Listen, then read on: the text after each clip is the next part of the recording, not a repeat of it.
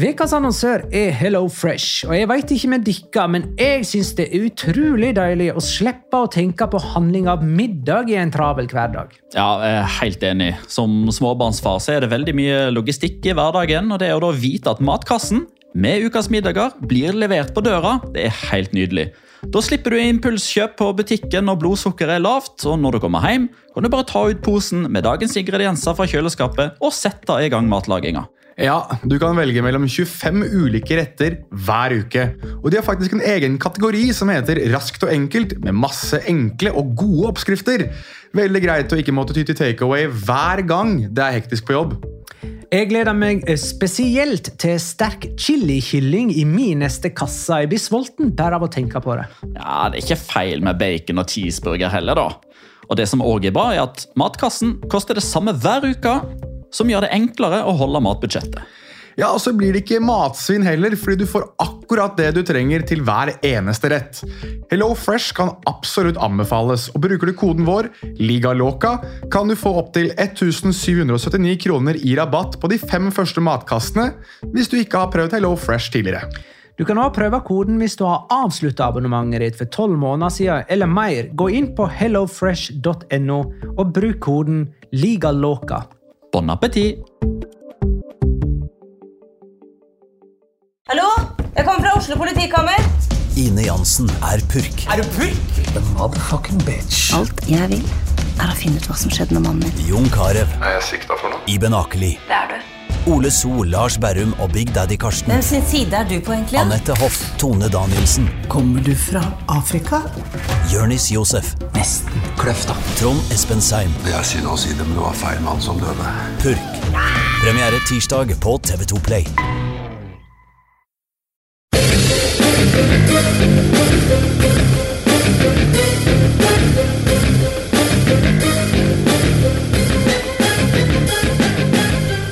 Har du sett?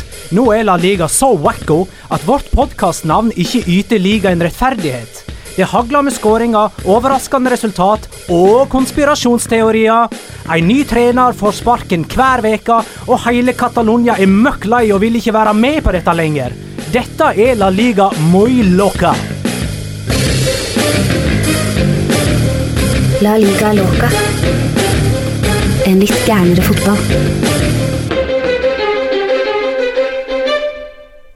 Det er ei uke siden forrige podkast, og i løpet av den tiden har det skjedd så mye i Spania at det føles som jeg har et helt år å summere opp. Jeg, Magna Kvalvik, og du, Jonas Giæver, hei. Hei på deg, hei på deg. Og du, uh, Petter Wæland, hei. hei. Eh, forrige uke fikk uh, Sobeldia sparken fra Alaves. Neste uke får Mitchell sparken i Malaga. Veka etter der får Pepe Mel sparken i Deportivo la Coruña. Men denne veka her så var det altså Fran Escriba som skulle få sparken i eh, Villarreal. Så du den eh, komme, Petter? Ja, delvis. Eh, Jeg så jo faktisk også kampen som han fikk fyken i. Jeg var til stede på Coliseum Afonso Perez og opplevde det som utrolig nok var eh, god stemning eh, på Retafes hjemmekamp. Jeg var òg til stede på den kampen som var dråpen som fikk begeret til å renne over for Luis Sobeldia. Så hvis det er noen som har et favorittlag med en trener de ikke liker, så bare ta kontakt, bestill en flybillett i mitt navn, så skal jeg gå på neste kamp.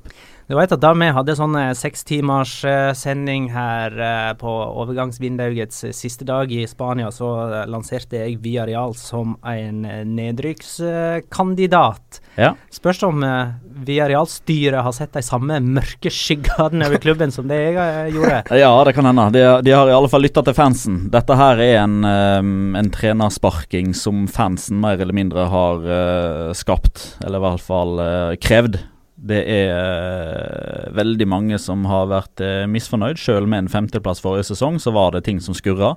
Viareal spilte fotball på en uviarealsk måte, eh, og denne sesongen så har heller ikke resultatene vært noe særlig bra. De har faktisk ikke starta så dårlig siden den sesongen de rykka ned. Så, så de to tingene gjorde at eh, Fran Escriba ble, eh, ble sparka. Det, det som var litt morsomt, da, at eh, på eh, Coliseum Afonso Perez rett før slutt, så begynte Retafe-fansen å synge Escriba vet det ja. Altså Hjemmelagets supportere ropte om at bortelagets trener måtte gå. Og det er jo ikke mer enn halvannet år siden at Escriba faktisk fikk fyken fra nettopp Retafe Og hva var det som kulminerte hans eh, karriere i Retafe? Tap mot Viadial. Så eh, ringene slutta. Ja, de sang vel bare den samme sangen, da. Ja, de gjorde det. Ja, ja, Som de For, gjorde for, for halvannet år siden. Et år siden. Javier Calleja Ja, heter han som tar over. det gjør han. Mm, fortell, da. Han er en tidligere ubåtspiller. Eh, Spilte 150 kamper fra 2000 til 2006. Har tatt uh, trenerutdanninga gjennom klubben. Uh, har vel trent det som er av aldersbestemte lag opp igjennom, og fikk jobben som B-lagstrener uh, nå for ikke så veldig lenge siden, og blir promotert.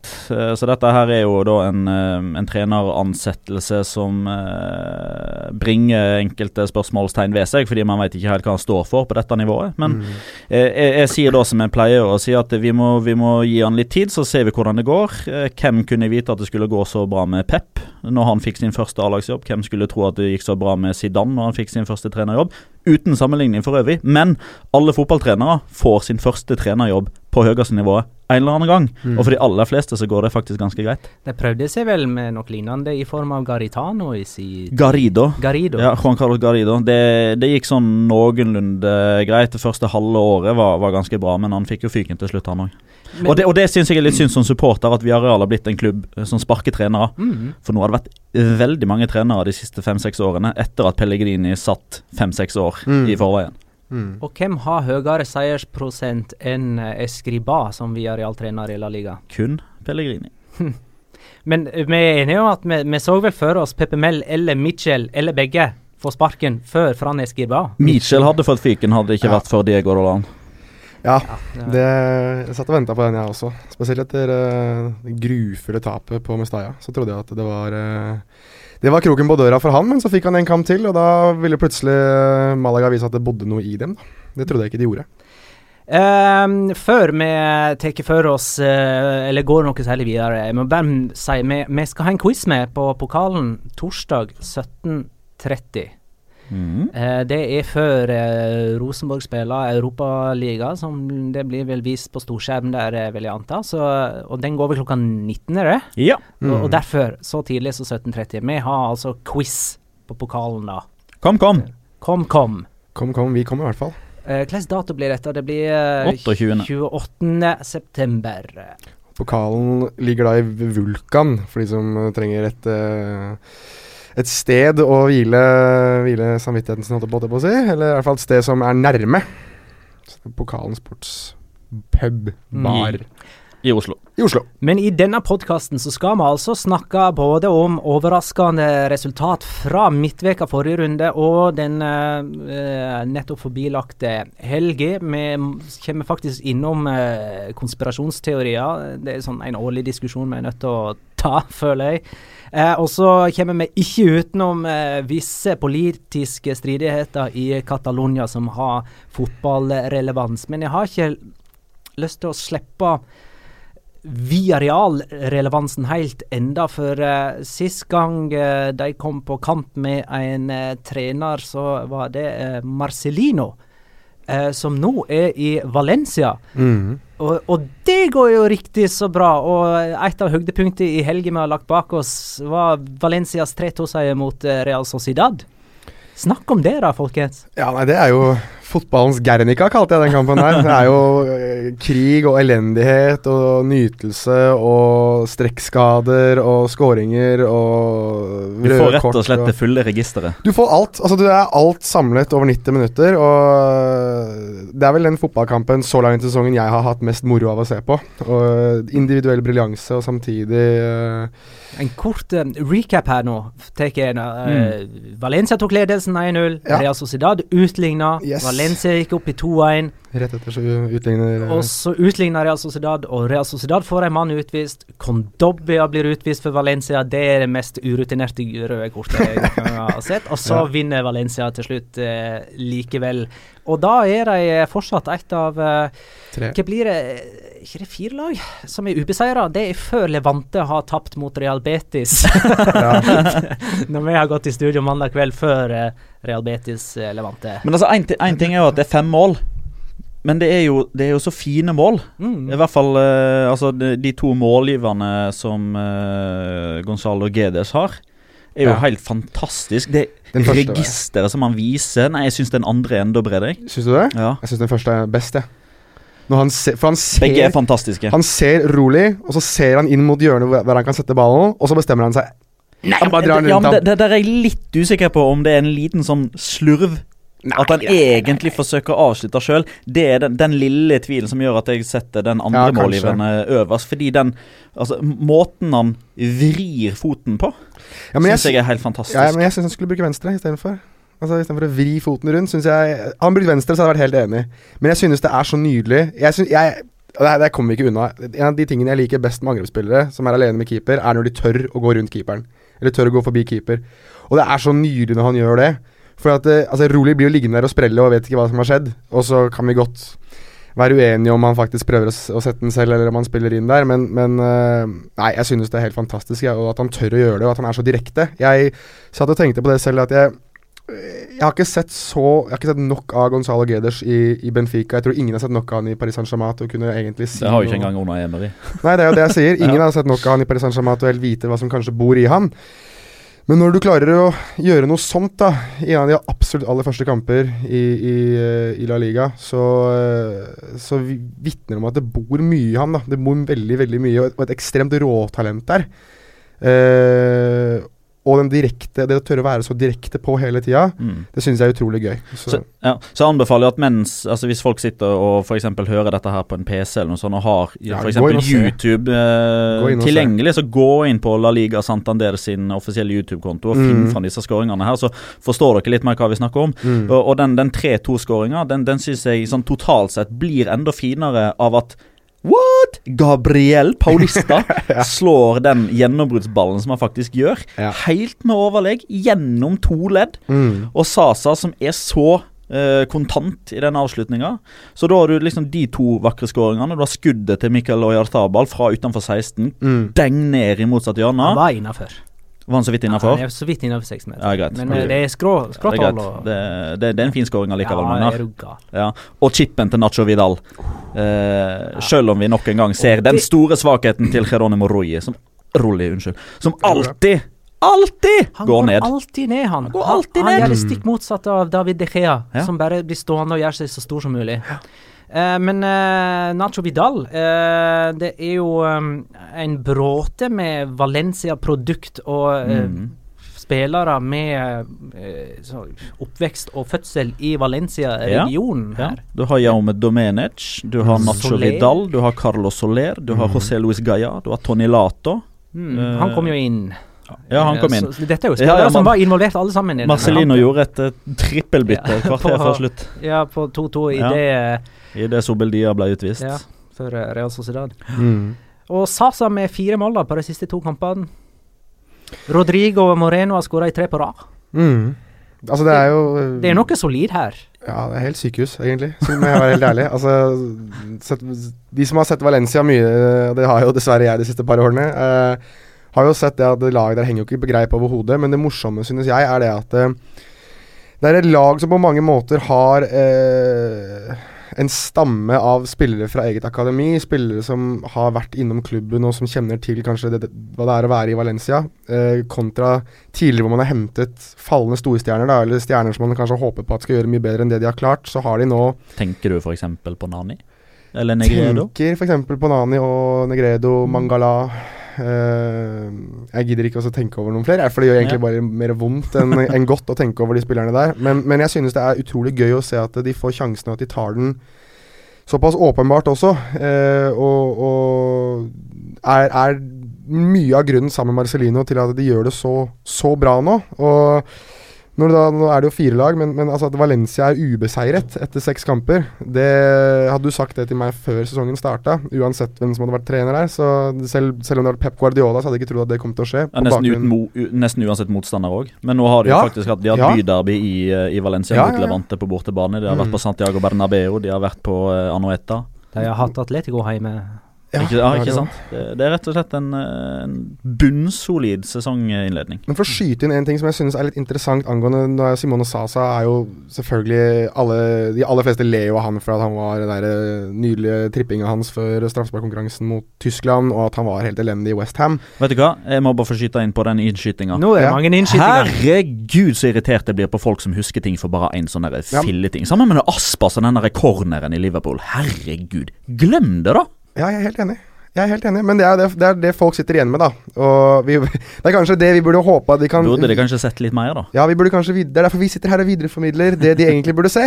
Men, men uh, en ting jeg noterte meg etter uh, Etter det Valencia-derby mot, mot Levante, så, så startet jo ikke Sasa. Og da skal det jo ha vært en, en konflikt i garderoben eller i tunnelen mellom Marcelino og Sasa, fordi Sasa skal ha vært så forbanna at han ikke starta den kampen. Og ville ikke takke fansen etter kampen og litt sånn forskjellig. At, det, at han var ordentlig surmula skikkelig.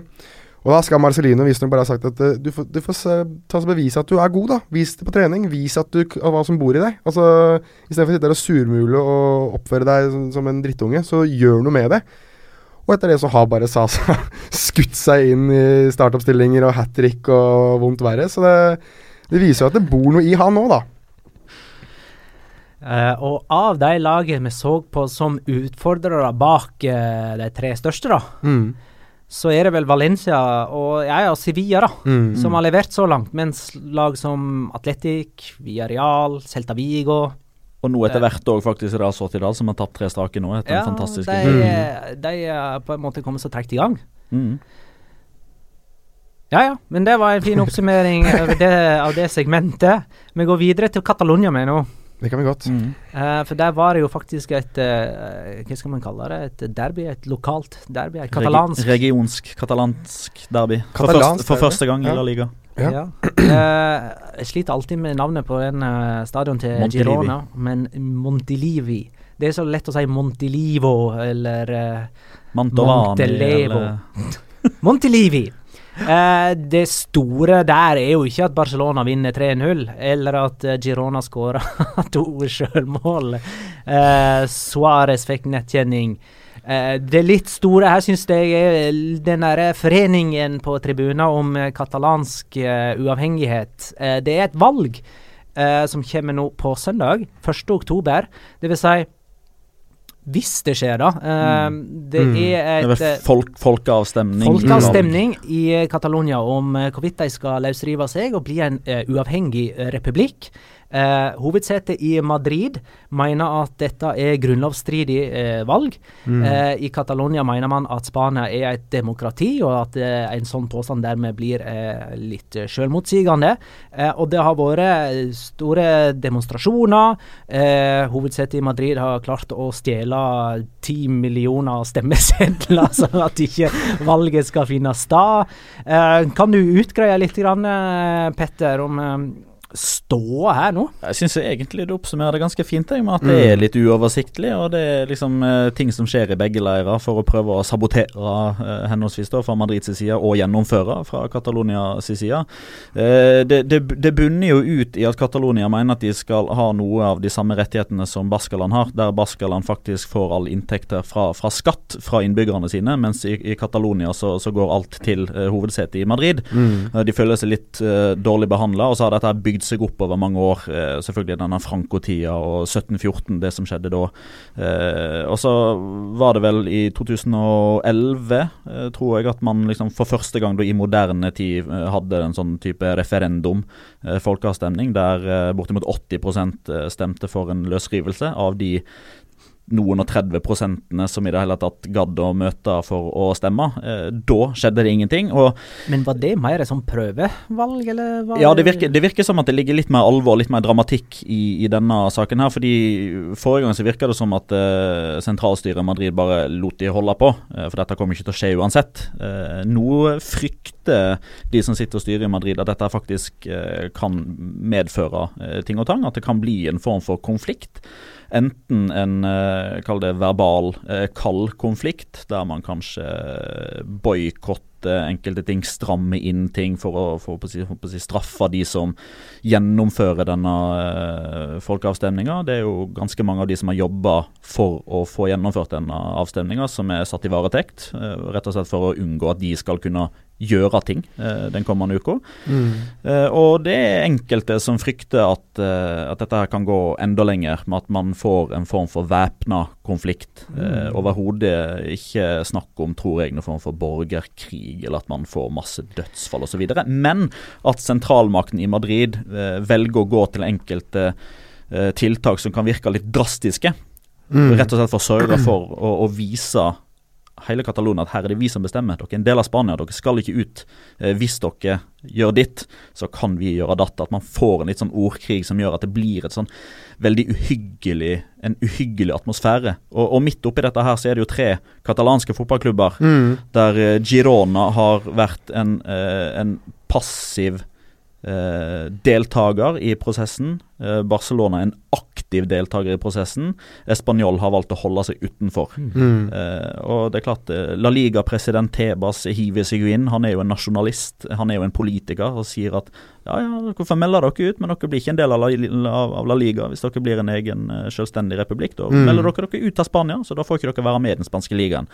Så, så det er jo tusen sånne hvis om at det dersom at det, men 1.10 det er en dato som selv fotballinteresserte må legge litt merke til. For det som skjer eventuelt den dagen og i de kommende 48 timene For de som er pådrivere for dette, her sier jo at i løpet av 48 timer, hvis folkeavstemningen blir ja til løsrivelse, så tar det 48 timer før de faktisk gjør dette.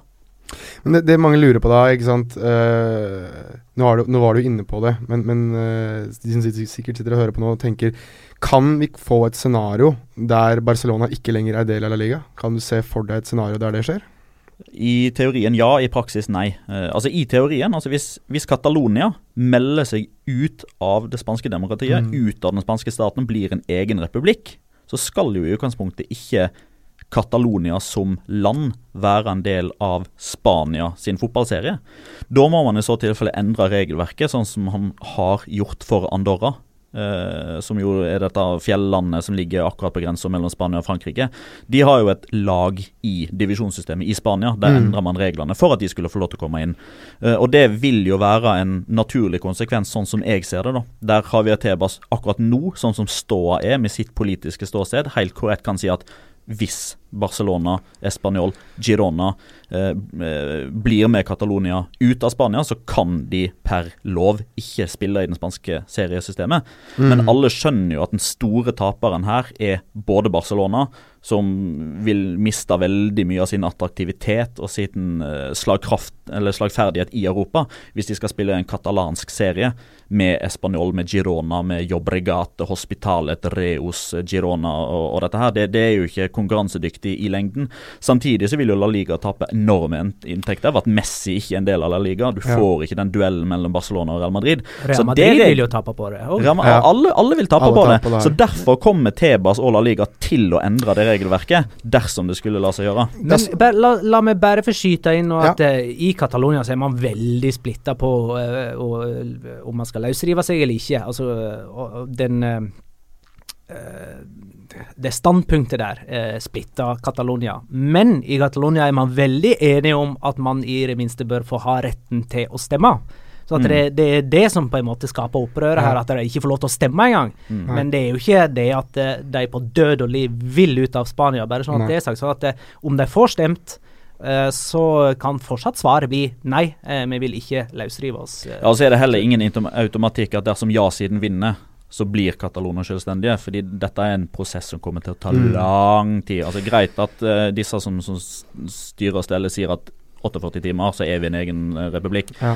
Ting tar mye lengre tid enn det. Altså, mm. Bare for å nevne mm. da, altså, Skal Catalonia automatisk bli en del av EU? Skal de stå utenfor? Mm. EØS?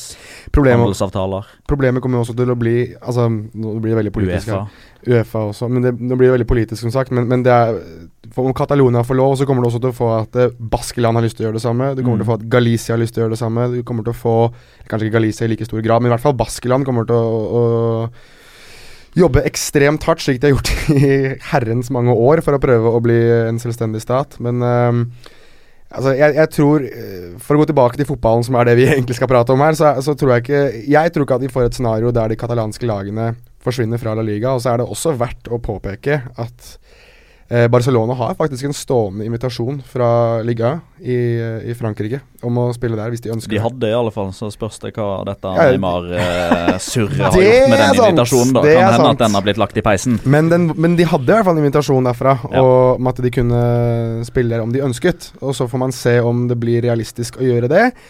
Jeg tror eh, det skal holde hardt at eh, de ikke spiller i La Liga fremover uansett. Skal vi avslutte med å si at det, det fins langt mer nevenyttig og grundigere informasjon om dette her på nettet enn oss mm. fotballsupportere og fotballkjennere som driver og snakker om ting som vi egentlig ikke har peiling på. Les Guardian eller et eller annet. Det er, Men jeg har i hvert fall fått opp, oppsummert litt grann om hva det dreier seg om det her, da. Det er jo litt viktig. Ja, og selvfølgelig de som kommer til å se Barcelona mot Las Palmas på søndag. Der kommer det til å være, være ekstremt mye politikk inn i bildet. Der kommer til å være katalanske flagg og kanskje Det- noen demonstrasjoner før, kanskje under og, kamp. Og I. Girona så ble jo eh, Ja. sang de jo eh, om uavhengighet etter 17 minutter. Og, ja, Mm. som man gjør på alle Barcelonas hjemmekamper. Og det gjør det ja, også. som det var nå i Girona, da. Ja. Eh, Mm. og eh, Faen, jeg hadde noe mer jeg skulle si, men så datt det ut. Ja, Da var det sikkert ikke så viktig. Jo, eh, Español på valgdagen 1. oktober Mm. spiller jo i Madrid. Eh, Mot Real mot- Madrid. ja. Mm. eh, på Santiago Bernabeu, så det, det er vel eh, visse politiske interesser i Ja, den eh, kampen òg. Ja. Mm. Eh, men eh, selve fotballen, da. Eh, Girona valgte å kjøre frimerke på Messi. Mm. Nydelig frimerke. Maffeo. Pablo Maffeo, Pablo Maffeo. unggutt som er leid inn fra Manchester City, som egentlig er høyreving. Det var Mm, det mm. høyre Messi spurte han om òg. Ja. Hvor gammel er du, eh, og er du langt ifra Manchester City? Ja, Ja. Slo av en prat. Som selvfølgelig er blitt stort i spansk media, at Ja, Messi ja, spør om, om Manchester City. Selvfølgelig har det blitt slått opp stort. Det var noen som lagde en, en tegneserie av det. Om, eh, om at eh, Lionel Messi lå, lå i senga sammen med kona si, og at eh, imellom de så lå Pablo Mafeo. og da sto det sto, liksom, En snakkeboble til Messi sto Du er at kampen er over nå, ikke sant? Genialt. Nydelig. Ja, men det funka jo i form av at uh, Messi ikke skåra, og det er bare få dager etter at han putta fire mot Eibar. Ja, han hadde Ja. bare to avslutninger. Uh, Ja. og, og det som imponerte meg mest, var at uh, Pablo, altså Pablo Mafeo fikk jo gul kort etter halvspilt første omgang. Mm. Og allikevel så klarer han liksom å fullføre eh, kampen på 90 minutter. Eh, det var vel Alfredo Relaño, eh, redaktøren i AS, som hadde en tekst i avisa eh, i, på, på søndag, Mm. der han sammenligna det litt med Kan det stemme at en som heter Gentile? Eller Gentile, som, Gentile, ja, som Mm. hadde en sånn type mannsmarkering på Maradona. Maradona, ja. Og sparka han ned gjennom 90 minutter og fikk fortsette uansett hva han gjorde. Gikk rundt og Historien Historiens Dette er vel fra 82-VM eller noe sånt nå? Eh, 86? Jeg husker ikke helt. Det er i hvert fall at han gikk rundt og tok på Maradona. At og Altså, tok, er vi på han. Italia-Argentina nå? Ja. ja, det er I- 86. 86, mest sannsynlig. Da Han gikk i hvert fall rundt og tok på Maradona og, og sparka han ned og liksom prøvde å, å, å virkelig Jeg kommer ikke på det norske ordet, men intimidate. På, på, virkelig, virkelig Ja, få. Skremme Maradona ut av kampen, da. Og Gentile, altså genitalia, det var liksom De, de, de to går litt sammen, fordi det var blant annet der han skal ha rørt Maradona ved et par anledninger. Ja, Maradona hadde det jo stort sett sånn under hele karrieren, stakkar. Og Ja. Ja. ble nå slakta i alle kamper han spilte. Goico Echea. Slakteren Ja. fra Bilbao. Var ikke det Maradona som fikk Jo, jo, da. kjenne på han? Da tok han igjen, da. Så ble det opprør. Men eh, da skal Barcelona bare slå Las Palmas nå, da. eh, og få sin sjuende strake eh, seier eh, nå til helga. Og så skal de begynne å få trøbbel Mm. med eh, Ja, da er de neste bortekampene Atletico, Atletic Så er Leganes inne der en plass, og så Valencia og Real Madrid. Så Det blir, eh, altså Poengtapet kom jo før eller siden, eh, egentlig bare av de na naturlige årsakene av at de Taper poeng før eller siden. Jeg husker vel etter, etter tre serierunder, når vi hadde den første podkasten vår, så, så mener jeg vel sjøl at jeg sa at jeg trodde de kom til å snuble på ett av de fire bananskallene som kom.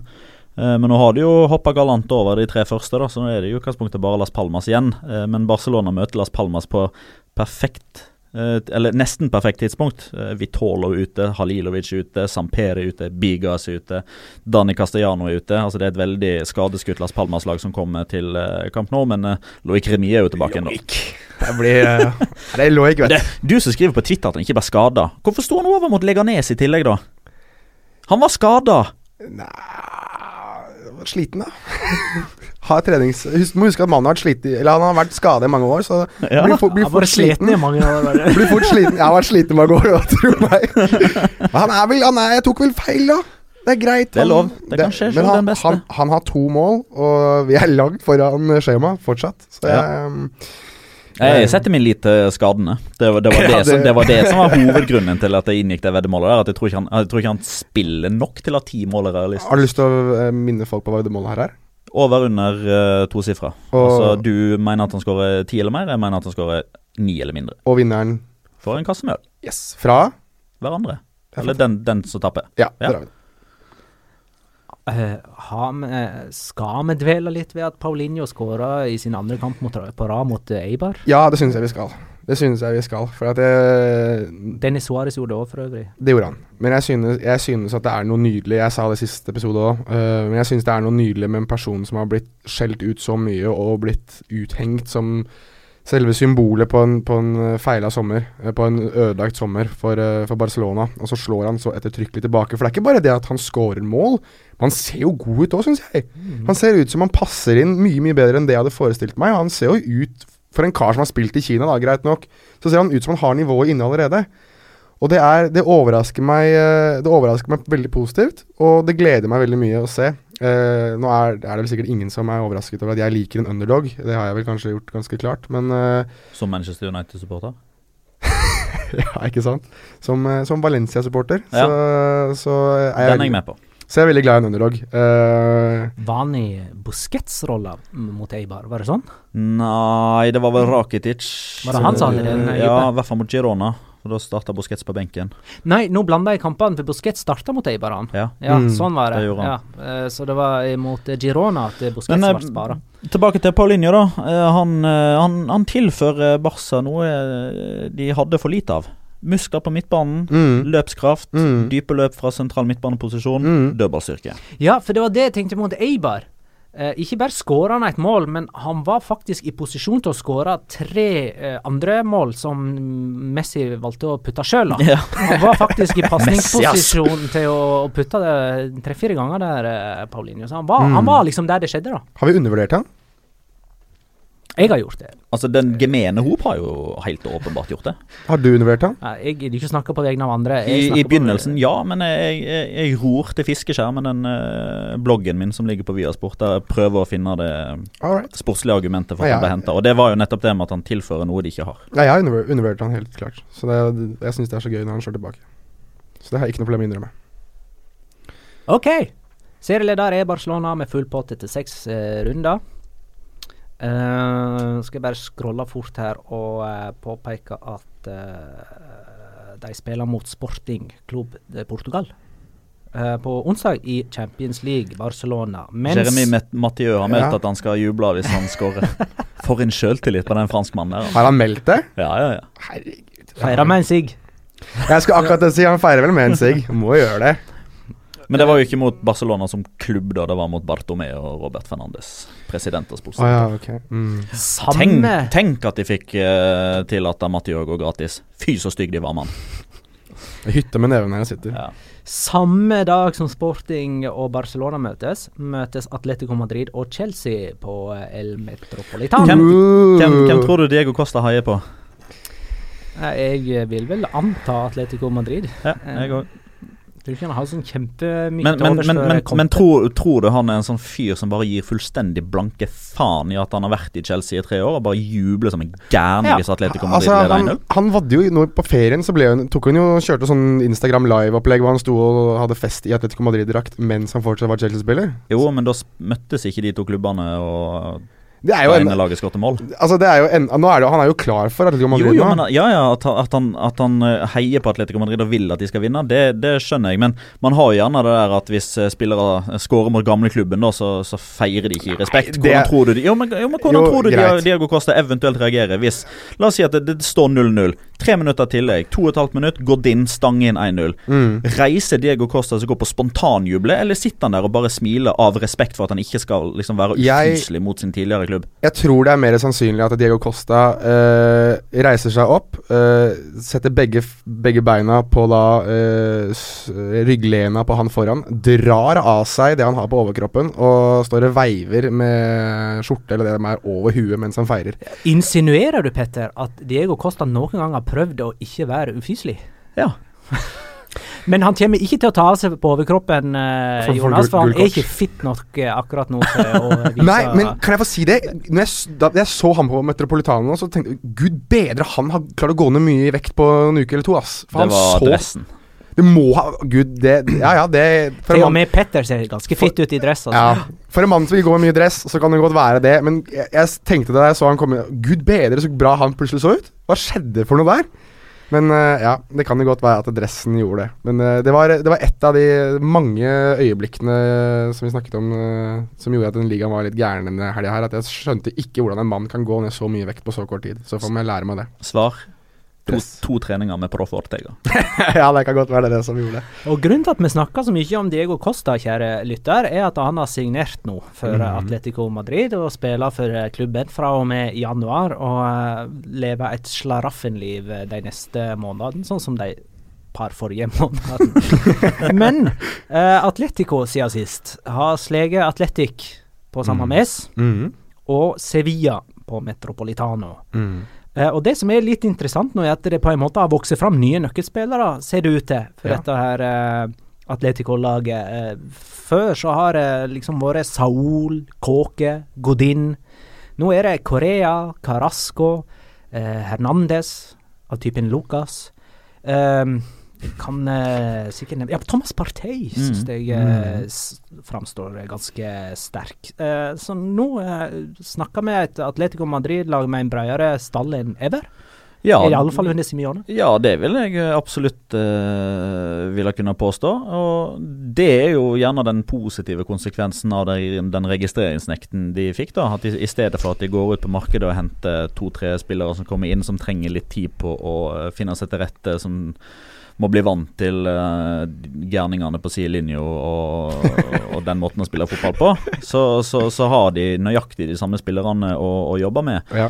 Uh, fått en sesongoppkjøring der man vet til enhver tid at det er disse 22 man har å forholde seg til. Mm. Og så er det nok òg en modningsprosess der eh, altså Thomas Partey har vært der en stund nå. Lucas Hernandez er jo uh, fostra opp i klubben. Carasco er inne i sin tredje sesong. Eh, Angel Correa er inne i sin tredje sesong. Man, man begynner nå etter hvert å komme til det tidspunktet der de må begynne å ta de stegene som de nå har tatt. Kanskje kunne vi forvente at kanskje spesielt Carasco skulle ha gjort det i enda større grad forrige sesong. Mm. Men eh, du verden så spennende det, denne sesongen her kan vise seg å bli. Altså Hvis Atletico Madrid holder tempoet ut året, og så kan angripe 2018 med Diego Costa og Vitolo. Ja. Diego Costa og Griezmann Ah. som uh, spissa uh, Carasco vis, og Vitolo. formasjonen tillater det. På kantene. Uh, ja. 4-4-2? Det, Selvfølgelig. ja, det blir litt sånn som Costa Via i uh, serievinnersesongen. Ja. De Mm. tendensene Kom de ikke på nå at David Villa har spilt for Atletico? Kom på. Ja, nei, det, det- hadde det- glemt det litt. Grann, sånn. Jeg tenkte mer på Eh, jeg, jeg tenkte mer Falcao Diego Costa først, men, men uh, David Ja. Ja, de det har jo hatt mange gode en, spisspar. Ja, ja. Det var vel der de vant Copa del Rey sesongen Mm. før. Ja, stemmer det. Mm. Jeg husker mer det, men jeg, men ja, jeg er helt, veldig enig med Petter uh, i det at det kommer til å bli ekstremt spennende hvis de klarer å holde, holde koken. Og det er jo der spørsmålet kommer til å ligge. Uh, samtidig så tror jeg de skulle likt å hatt en bredere tropp. Jeg tror de skulle likt å hatt en eller to mann til. Altså, det er jo Tror du det? Er det, er ikke det bra nok nå? Nei, fordi at jeg, jeg, jeg tror med Champions League og, og La Liga, og de skal spille så intenst og så mye kamper som de skal, så lurer jeg Jeg, jo, bare, men hvis det- jeg vet bare ikke om de klarer å holde koken ut året. Ja, men hvis det er ett lag som i utgangspunktet skal kunne klare det, da, så er det jo Atletico Madrid. Og det er jo ikke sånn at de har en liten stall, de har jo 22 mann i A-stallen. Og så blir det to skader, hva skjer da? Da har de 20 mann. Ja, jeg syns fortsatt at de skulle hatt en, et par spillere til. Jeg syns fortsatt at de skulle trengt en tropp på 24-25 mann. 22 minus 2 uh... Ja, ok, si at de to Ok, Vi, snak, vi snakket jo om Grismann da, om Grismann Pendencia nå sist, sist, uh, sist uke. Ja, det gjorde de jo faktisk. ja, vi snakket, sant, vi snakket men- jo om det. Hvis, hvis hvis, hvis, Vi ja, vi- snur kappa til vinden eh, med vinden fort her, eller? Eller no, eh, Hvem av oss skal vi tro på, på en måte? Skal vi tro på oss fra forrige, forrige podkast, der Jo, vi snakka om noe- Griezmann Depensia? Jo, jo, men det er jo, det er jo ikke noe som helst tvil om at eh, Antoine Griezmann er den beste og viktigste. Ja. Det er det ikke noe tvil om. Nei.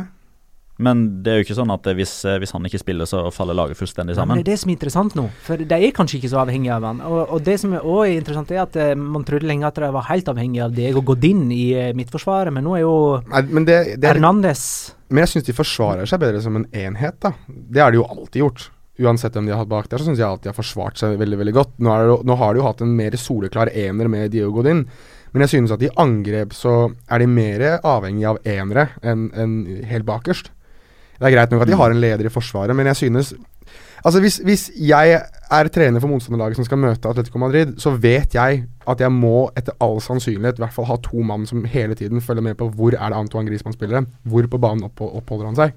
Uten ham så tror jeg ikke Jeg tror laget er mer komfortabel med å spille mot Atletico Madrid da.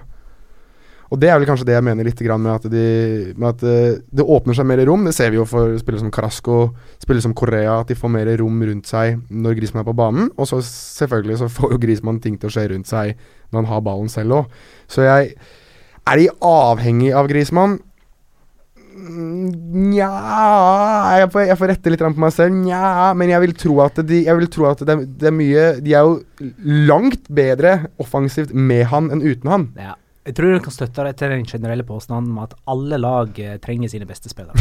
ja, vi kan godt si det.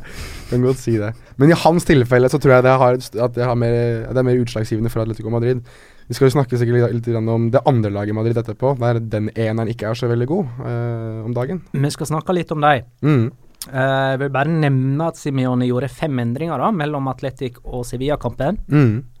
Eh, og de eh, står fremdeles uten tap sammen med Barcelona, Valencia og Pip Levante. Pip. Det var en slags sensur på meg sjøl. For de kommer til å tape? Ja, jeg regner med de skal tape mot Real Betis. Ja, jeg skjønner. ikke skjønner. 1-1 der, da? Hæ? 1-1? 1-1? 1-1, ok, ok.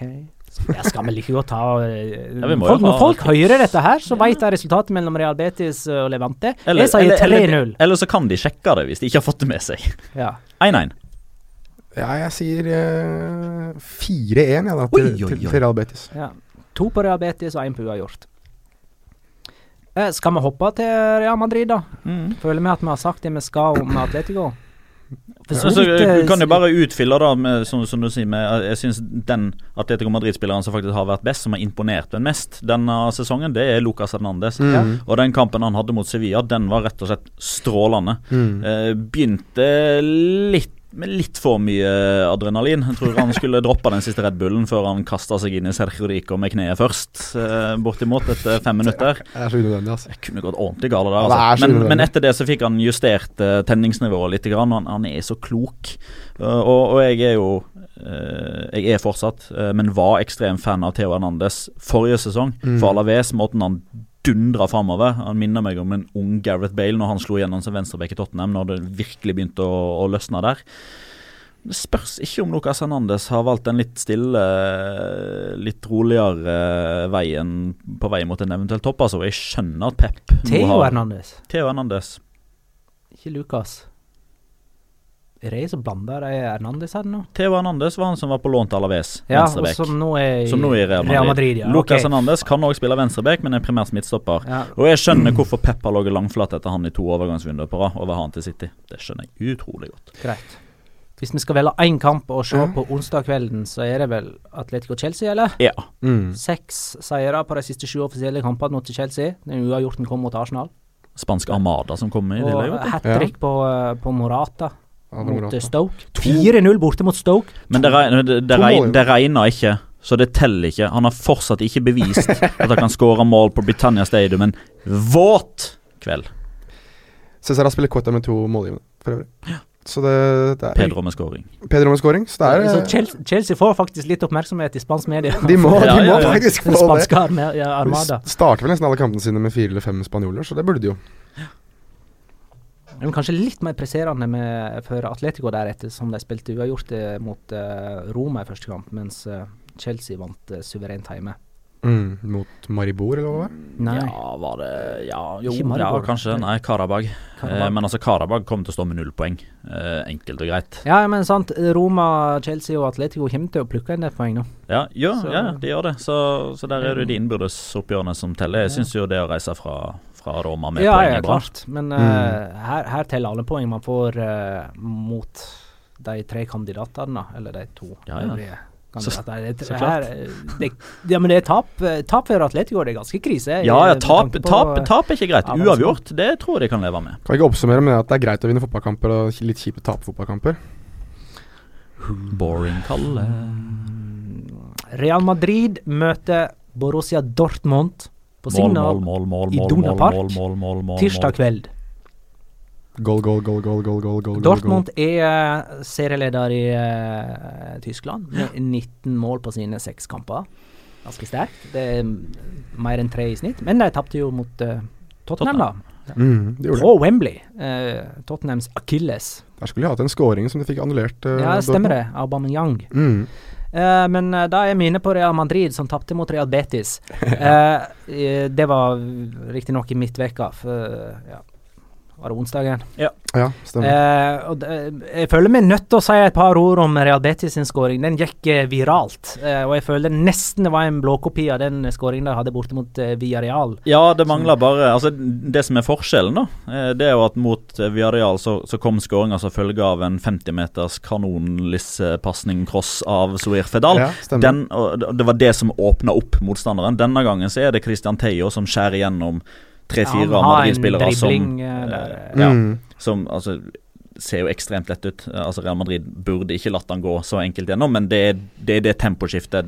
Det er der taktpinnen endrer seg. Det er Ja. det som er Ja. nøkkelen i angrepet. Men eh, der, I tillegg til at Antonio Barragan, som er så begrensa teknisk, ber det tekniske vidunderet Riyad Bodebos om å ligge unna når, han, når han tar ballen. Pasningen kommer til Barragan, og han eh, kantspilleren kommer inn i banen for å ta den ballen, og Barragan bare 'Nei, nei, nei, denne har jeg!' Og så serverer han den målgivende pasningen. Eh, der, der tenkte jeg at eh, nå har Barragan mer selvtillit enn han burde. Men det gikk jo fint. Og så løper han jo rett bort til benken og jubler alene med de. Etter å ha slått innlegget. Ja, men eh, Fantastisk skåring. Det, det er et av mine høydepunkt. Eh, jeg, mener jo Betis har skåra de to flotteste målene eh, så langt. De det, to altså. flotteste kollektive Ja. målene. Ja, men de burde- to altså, men, målene. men, men, men sj- Nei, nei, nei, nei, nei, nei, nei, nei, nei, nei, nei, nei, Jo, nei. jo, jo. Nei. Ja, det kommer sin Ja. skåring er kjempefin, den, altså, men Betis sine to mål er bedre. Som lagprestasjoner så er jeg helt enig, men eh, altså, ja, vi kommer tilbake til den Vi kommer tilbake til den andre Vi kommer tilbake til den andre scoringen etterpå. Men, jeg, men vi kan også skyte inn at det er Tony Sanabria, tidligere Barcelona-produktet, som, som header ballen i mål og senker Real Madrid på, på overtid. Og, øhm, jeg, ja, hva skulle du si? Ja, nei, altså Jeg må jo bare skyte inn da at uh, Magnar uh, Jeg må jo bare fortelle da at uh, dette målet til eh, Til Real Betis At du er så imponert over det, det skjønner jeg veldig godt. Men det er faktisk ikke i nærheten av å være det angrepet som har flest trekk før scoring denne sesongen. Nei, det er greit. For Betis har hatt 18 Det var vel Real Madrid og 20. som hadde ja. Real Madrid som hadde 44. Mm. Stemmer det. Men, det, men jeg synes ikke som at det Nå kaster jeg selvfølgelig litt kaldt vann på denne skåringa her òg, da. Men vi må også huske på at det er et Real Madrid-lag som De står og ser på hverandre i forsvar og lurer på hvem av oss er det som egentlig skal Jeg, jeg, tror, jeg tror Real Madrid på det tidspunktet jeg tenkte at oi, at de angriper, det tenkte vi ikke at skulle skje. Ja, For at nei. det, det var 3-2-5 skulle- altså framover. Skulle til å si det, men den Theo-driblingen Ja, det er ingen ingen som går på. Ingen presser han fordi at alle venter Nei. en pasning. Ja, ja, Det, har vært så mange pasninger Ja, ja, i forkant, så, så det klart, bare står og markerer rundt seg, og Ja. så kan han Ja. gå. Men samtidig så er det ingen som, tenk, ingen som tar initiativet til å gå i press der. Det er ingen som tar initiativet til å prøve å ta ut noen. Det er nesten så de er litt sånn på autopilot at det er, det, er jo egentlig vi som skal angripe. Mm. Så det angrepet her må bare ende, og så De må, må vi bare miste ballen. De må bare miste ballen, og så må vi få lov til å gå i angrep igjen. Ja. Og så mister de jo aldri ballen! Og så ender jo ballen opp når de først faktisk har mista den, så ligger den bak Kaylor Navas. Ja, ja. eh, Og han idioten som kommenterte kampen, sa jo uh, Var det bare du, sånn eller? Fem, ja, ja. Eh, 15-20 sekunder før BT skårte, så sa jo den idiotiske kommentatoren at eh, hvis vi får en skåring på slutten her, så blir det en eufori av følelser. Enten eller, eller, og, og da får man eh, i, i så tilfelle Real Madrid-gleden og Real Betis eh, frustrasjon over at de holdt så lenge, men ikke helt inn. og så ble det andre veien, ja. Yes. Det betyr at Real Madrid altså på sine tre heimekamper har tatt to poeng mot Valencia, Levante og Real Betis. Så ikke den komme. Adan sto en kjempekamp for, Ja, for eh, grisen. Mm. Mm. Men så kom helga, og da fikk Ceballos lov til å starte for eh, Real Madrid. Det var ikke så dumt. Det var ikke så dumt. Nei, det, han hadde jo to skåringer, han. I uh, en 2-1-seier borte mot Alaves. Jeg uh, det, det, Dette her jeg sliter litt med Real Madrid. Fordi i den første omgangen så synes jeg Real Madrid ser bortimot prikkfrie ut innimellom. Altså I rundt 30 minutter så er de helt perfekte. Altså De angriper og angriper. og angriper De mangler bare skåringa, egentlig. Og så i andre omgang så, så åpner de seg helt opp. Altså Jeg synes at de, in, de inviterer Alaves mer inn i kampen igjen. Eh, de ser ut som de er usikre på seg selv, usikre på det, dette systemet som alltid har gått så godt, eller har i hvert fall virket feilfritt nå i nærmere to år. Uh, Pedrassa har to i aluminiumen. Det, det er et lag som rett og slett ikke ser sikre ut på seg selv lenger. Det er en sånn Jekyll and Hyde-tendens over Real Madrid akkurat nå, og jeg synes det er ekstremt merkelig å se. Og det så Det svinger så ekstremt. Fra, fra det briljante, fra det tilnærmet perfekte, til noe av det absolutt mest dysfunksjonelle uh, jeg har sett denne sesongen. Men de kom jo også til Alaves uten eh, en del eh, sentrale spillere. Altså I tillegg så turte jo Zidane å la både Bale og Modric starte på benken. I tillegg til Mm. at de var uten, uten både Kroos og Benzema blant de som vanligvis starter. Marcelo var ute. Mm. Cristiano Ronaldo, da? Han var med, men uh, Altså, De kunne starta, han, de altså, kunne han, uten han, faktisk. Altså han, uh, f- Første omgangen så var han ikke god i det hele tatt, syns jeg. Eh, andre ganger så, så tar han det litt opp, treffer stanga to ganger. Den ene etter en veldig god prestasjon, der han faktisk uh, dribler, utfordrer. ja, god. utfall mot venstre og avslutter i lengste med stolpen. Den syns jeg hadde fortjent en bedre skjebne. Men jeg, jeg tenker liksom Cristiano Ronaldo, de to største svakhetene hans er òg de to største styrkene. Det at han avslutter altfor mange ganger, Mm. sånn generelt, men det gjør Mm. jo at han skårer veldig mange mål, Ja. og det er den eg, eh, den egoismen hans. Eh, At alt skal handle om han. Men samtidig så er jo det Hadde det ikke, hadde det ikke vært for Cristiano Ronaldo har flest avslutninger eh, uten eh, å ha noen i nærheten i europeisk sammenheng, og at han har den egoismen, det er jo det som gjør Cristiano Ronaldo til Cristiano Ronaldo. Ja, jeg er helt enig. Men den formen han er i akkurat nå, ble vel oppsummert litt Det var vel i andre omgang, da han fikk et innlegg fra høyre og skulle kjøre en uh, brassespark, Mm. og treffer ingenting. Nei. Og blir bare liggende og sprelle, og um, Alaves kjørte vel kontra, om jeg ikke husker helt feil. Um, altså, han, han det- er et eller annet som ikke stemmer der. Mm. Det er et eller, annet, eh, et eller annet uforløst der. Og som du sier, for en spiller med så mange avslutninger og så mange mål, og som har vist i så mange år at han har et ekstremt høyt toppnivå, et toppnivå som vi mest sannsynlig ikke kommer til å se, i hvert fall i vår levetid, tror jeg. Um, han og Messi, selvfølgelig. Så, så Altså, man tør kanskje ikke å, tippe, å satse mot at, uh, at han kommer til å nå det, det toppnivået igjen, men akkurat nå så lurer jeg på hva som skjer. Han ble jo trøstet etter kampen. Han var vel en Jeg satt og så på Lia Dia Despues, og da, altså den spanske Match of the Day, for de som ikke kjenner til det. Uh, og da var det en Jeg husker ikke helt hvem det var. Men det var var ikke det nå i kveld? Det må ha vært et annet program. det må ha vært en, det var i hvert fall innslag på deres side, hvor de hadde lagt ut at det var en eller annen Real Madrid-trener eller noe sånt noe, som støtteapparat som liksom hadde gått bort og holdt rundt han, og Roald hadde sett så lei seg ut at eh, stakkars Ronaldo måtte få litt trøst. Jeg tror det var de av Despues. Jeg er ikke helt sikker. Nå ble jeg litt det går mandag kveld. så- Ja, nå ble jeg veldig usikker på om det men, var men, det. men kanskje de har begynt å legge ut sånne enkeltklipp? Det kan hende. Kan det ha vært Men det? Ja, i hvert fall- i hvert fall noen som gjorde det, og det var litt moro å se. Et spansk program var det iallfall. Spansk program. Eh, i, I løpet av seks eh, seriekamper pluss et par superkopperkamper så har eh, Sergio Ramos fått rødt kort, Marcelo har fått rødt kort, Cristiano Ronaldo har fått rødt kort med fire kampers utestengelse. Mm. Eh, Real Madrid har klaga på en hel del straffespark de ikke har fått tildelt. De klager like mye på at Barcelona får tildelt straffespark. og her kommer dette med konspirasjonsteorier inn. uh, og det har du lyst til å si litt om, Petter? Ja, eh, jeg har det. Eh, for nå har det jo seg sånn at det, det vil alltid være mye dommersnakk eh, i fotball generelt. Og ekstra mye er det i Spania eh, pga. den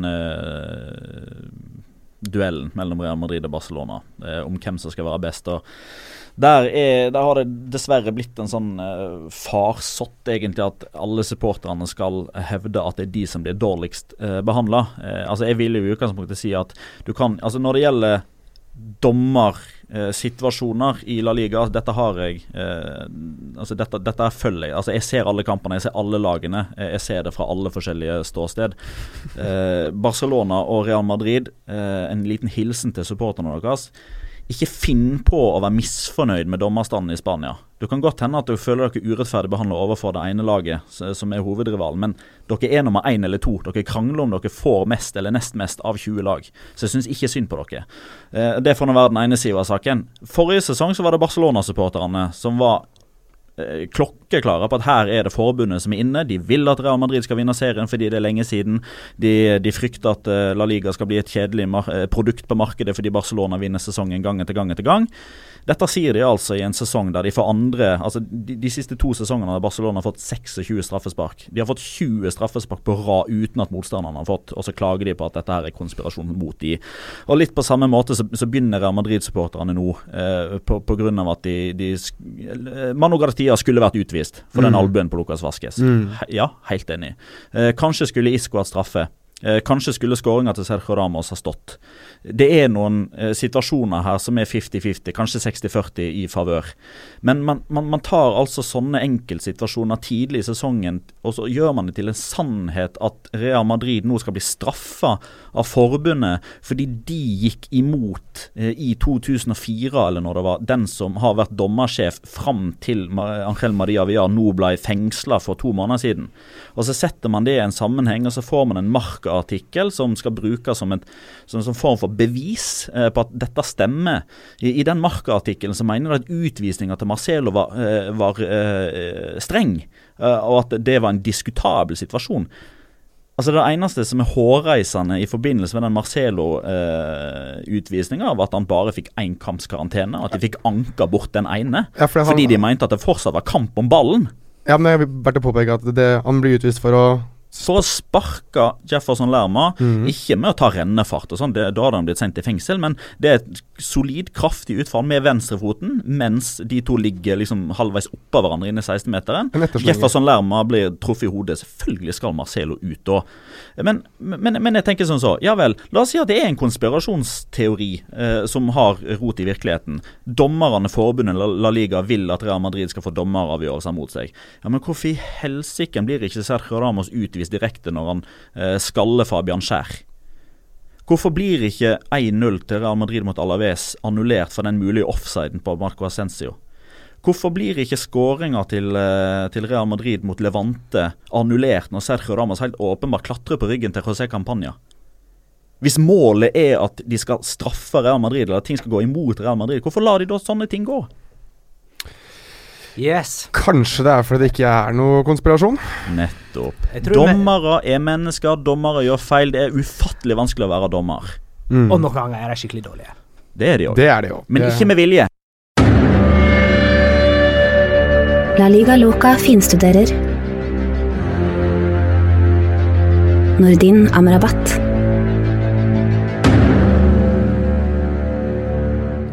Det er den tiden av programmet der Nordin Amrabat får eh, ti sekunder.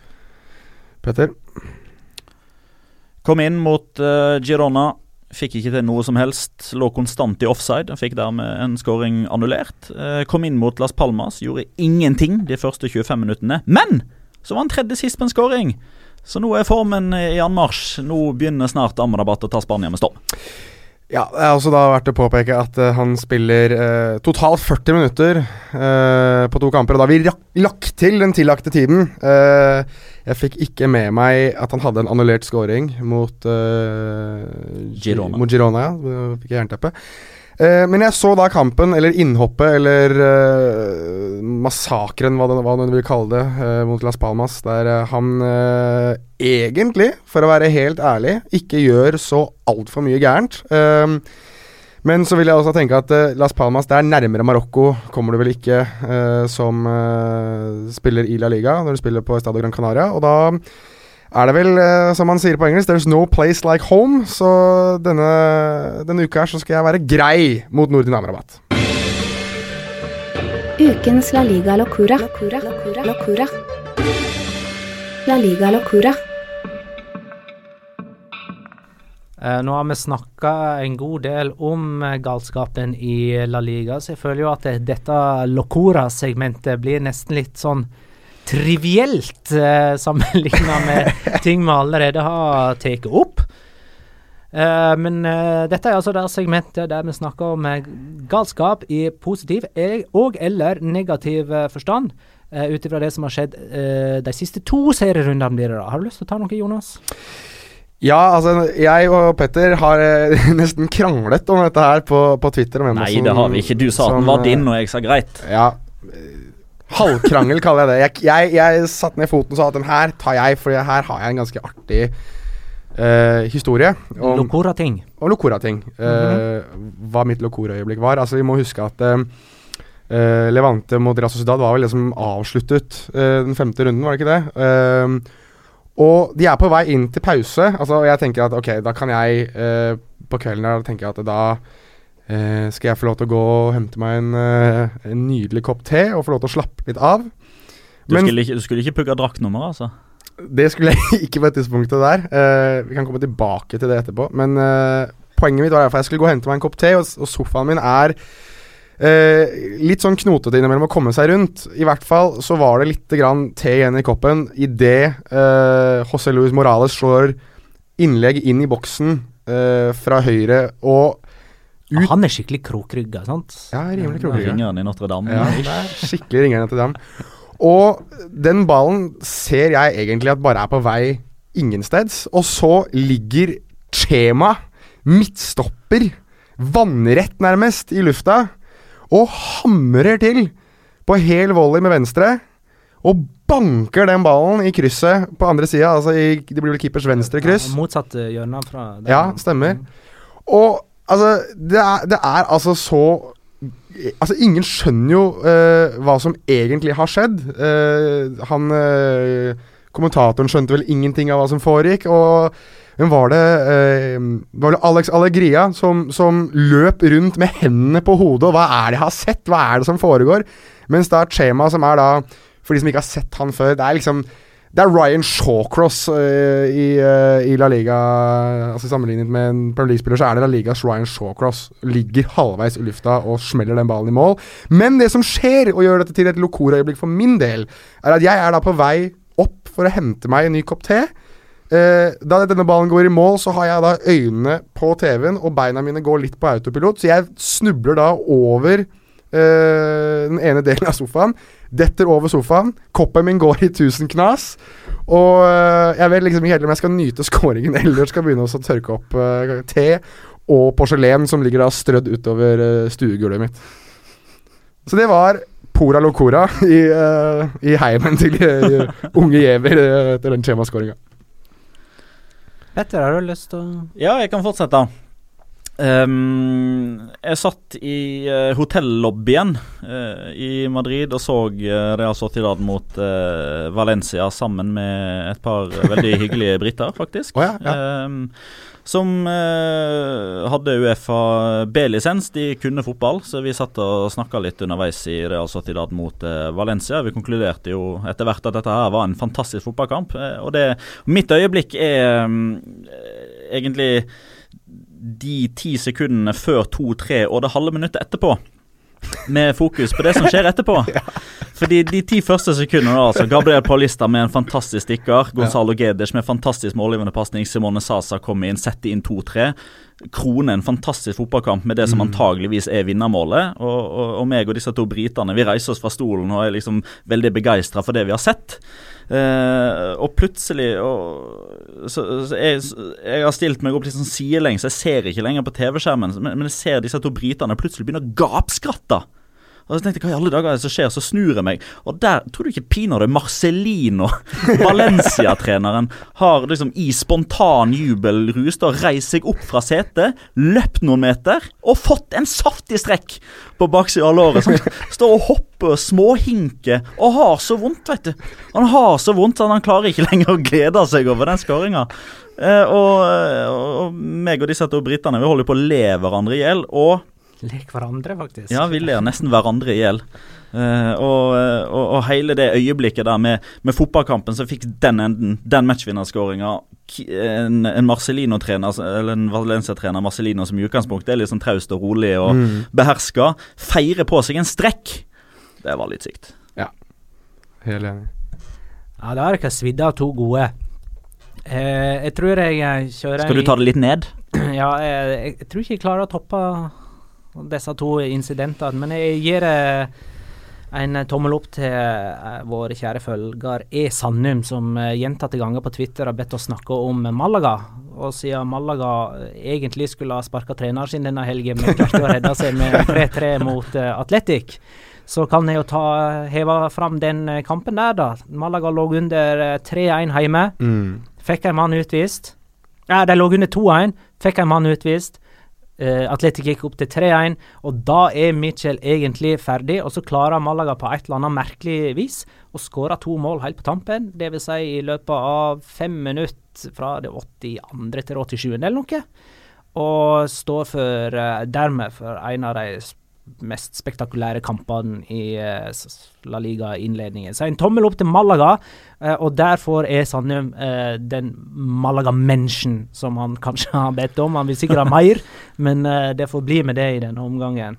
Også vanskelig med Malaga at de har to spillere som heter nesten det samme. Diego Roland og Esteban Rolland. Ja, og, og, det er jo han siste nevnte der som har berga Mitchell-jobben. Nei, førstnevnte. Var det førstnevnte? Diego Roland. Ja. Som uh, fantastisk Takk. førsteskåring, og så skårte han vel 3-3-mål også. Og så hadde vel sist da for Celta Vigo tre målgivende pasninger på én omgang. Ja. Eh, da de slo Eibar 4-0 borte. Yes. Eh, jeg trodde kanskje at sist Sisto skåra det ene målet sjøl, at den ballen gikk rett i mål, men det er mulig Sergi Gomez har fått det målet. Ja, han har, han, han, han har åpenbart det. Han har fått uh, skåringa av Pedito Numeros, han har fått den opp da, og han har fått den av Marka, og Marka. Så da er så. det vel greit. Tre målgivende på én omgang, det er bra. Hø, altså, men altså, Var ikke det en som sa assisto? Oh. Mm. Ok, den er bra. Ja, ja. Tommel opp, tommel opp. Meget bra. Men uh, veit dere hvilket uh, trekløver uh, som nå har blitt firkløver, han har uh, skrevet seg inn i? da? De foregående Celta-spillerne med tre assist i en og samme kamp? Nei. Jago Aspas kanskje? Alexander Mostavoi. Oi, oi. Valeri Karpin. Oi. Nolito. Nolito, og Pionicisto. Fytti grisen for en vakker bukett. Faller i Karpin, ja. Right. Kan jeg, kan jeg bare nevne det? Det må være kjapt. Veldig kjapt. Uh, han skåret ikke i den kampen her, men han skåret i kampen før. Maxi Gomez har nå fem mål på seks kamper. Uh, kommet fra uruguayansk fotball. Og uh, akkurat nå, det kommer ikke til å være ut sesongen, men akkurat nå slår jeg, slår jeg hardt i bordet for at han er den beste uruguayanske spissen i La Liga. Akkurat nå.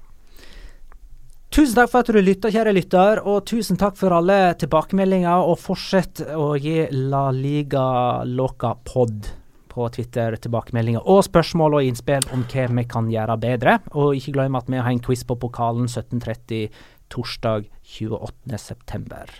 Og husk å abonnere. Husk å like, og, og husk å rate. Rate, Og fortell alle vennene deres at de skal høre på, på La Liga Loca. Og takk til Moderne Media, som står for produksjonen. Ha det godt, alle sammen. Ha det.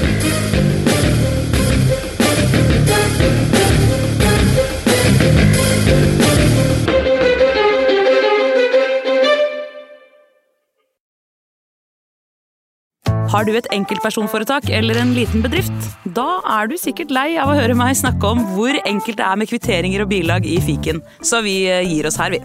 Fordi vi liker enkelt. Fiken superenkelt regnskap.